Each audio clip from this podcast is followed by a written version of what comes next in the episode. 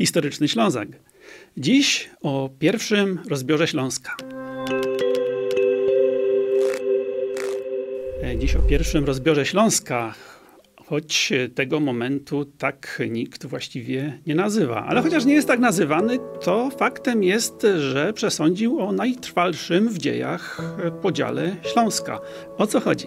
E, chodzi o układ w Kwedlinburgu z roku 1054, no a więc już niemal sprzed tysiąca lat. I rzeczywiście układ ten sprawił, że terytorium Śląska, to pierwotne, zostało na trwale podzielone. I podział ten trwa do dziś.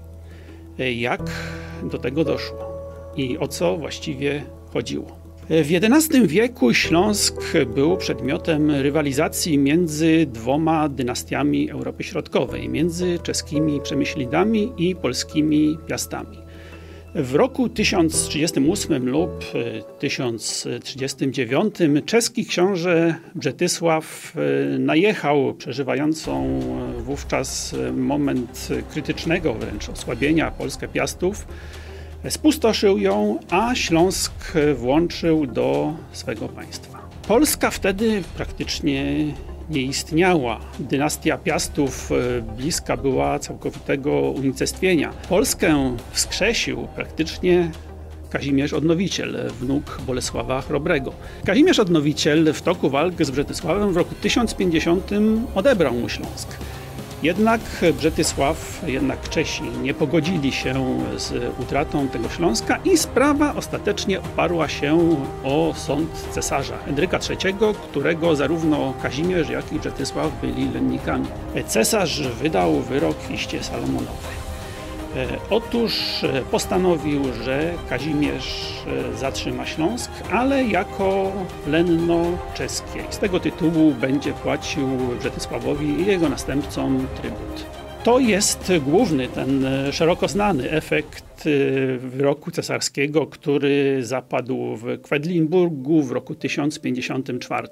Natomiast bardzo często, a właściwie niemal zawsze, nie dostrzega się e, jeszcze jednego efektu decyzji cesarskiej. Otóż cesarz nie przyznał Kazimierzowi Odnowicielowi całego Śląska. E, cesarz pozostawił przy Czechach bez żadnych warunków, po prostu jako część ich państwa Śląsk Opawski. Mówiąc Śląsk, mamy na myśli przeważnie Śląsk Dolny, Śląsk Górny, no, czasami Śląsk Opolski, który tak naprawdę jest e, częścią tego Śląska Górnego.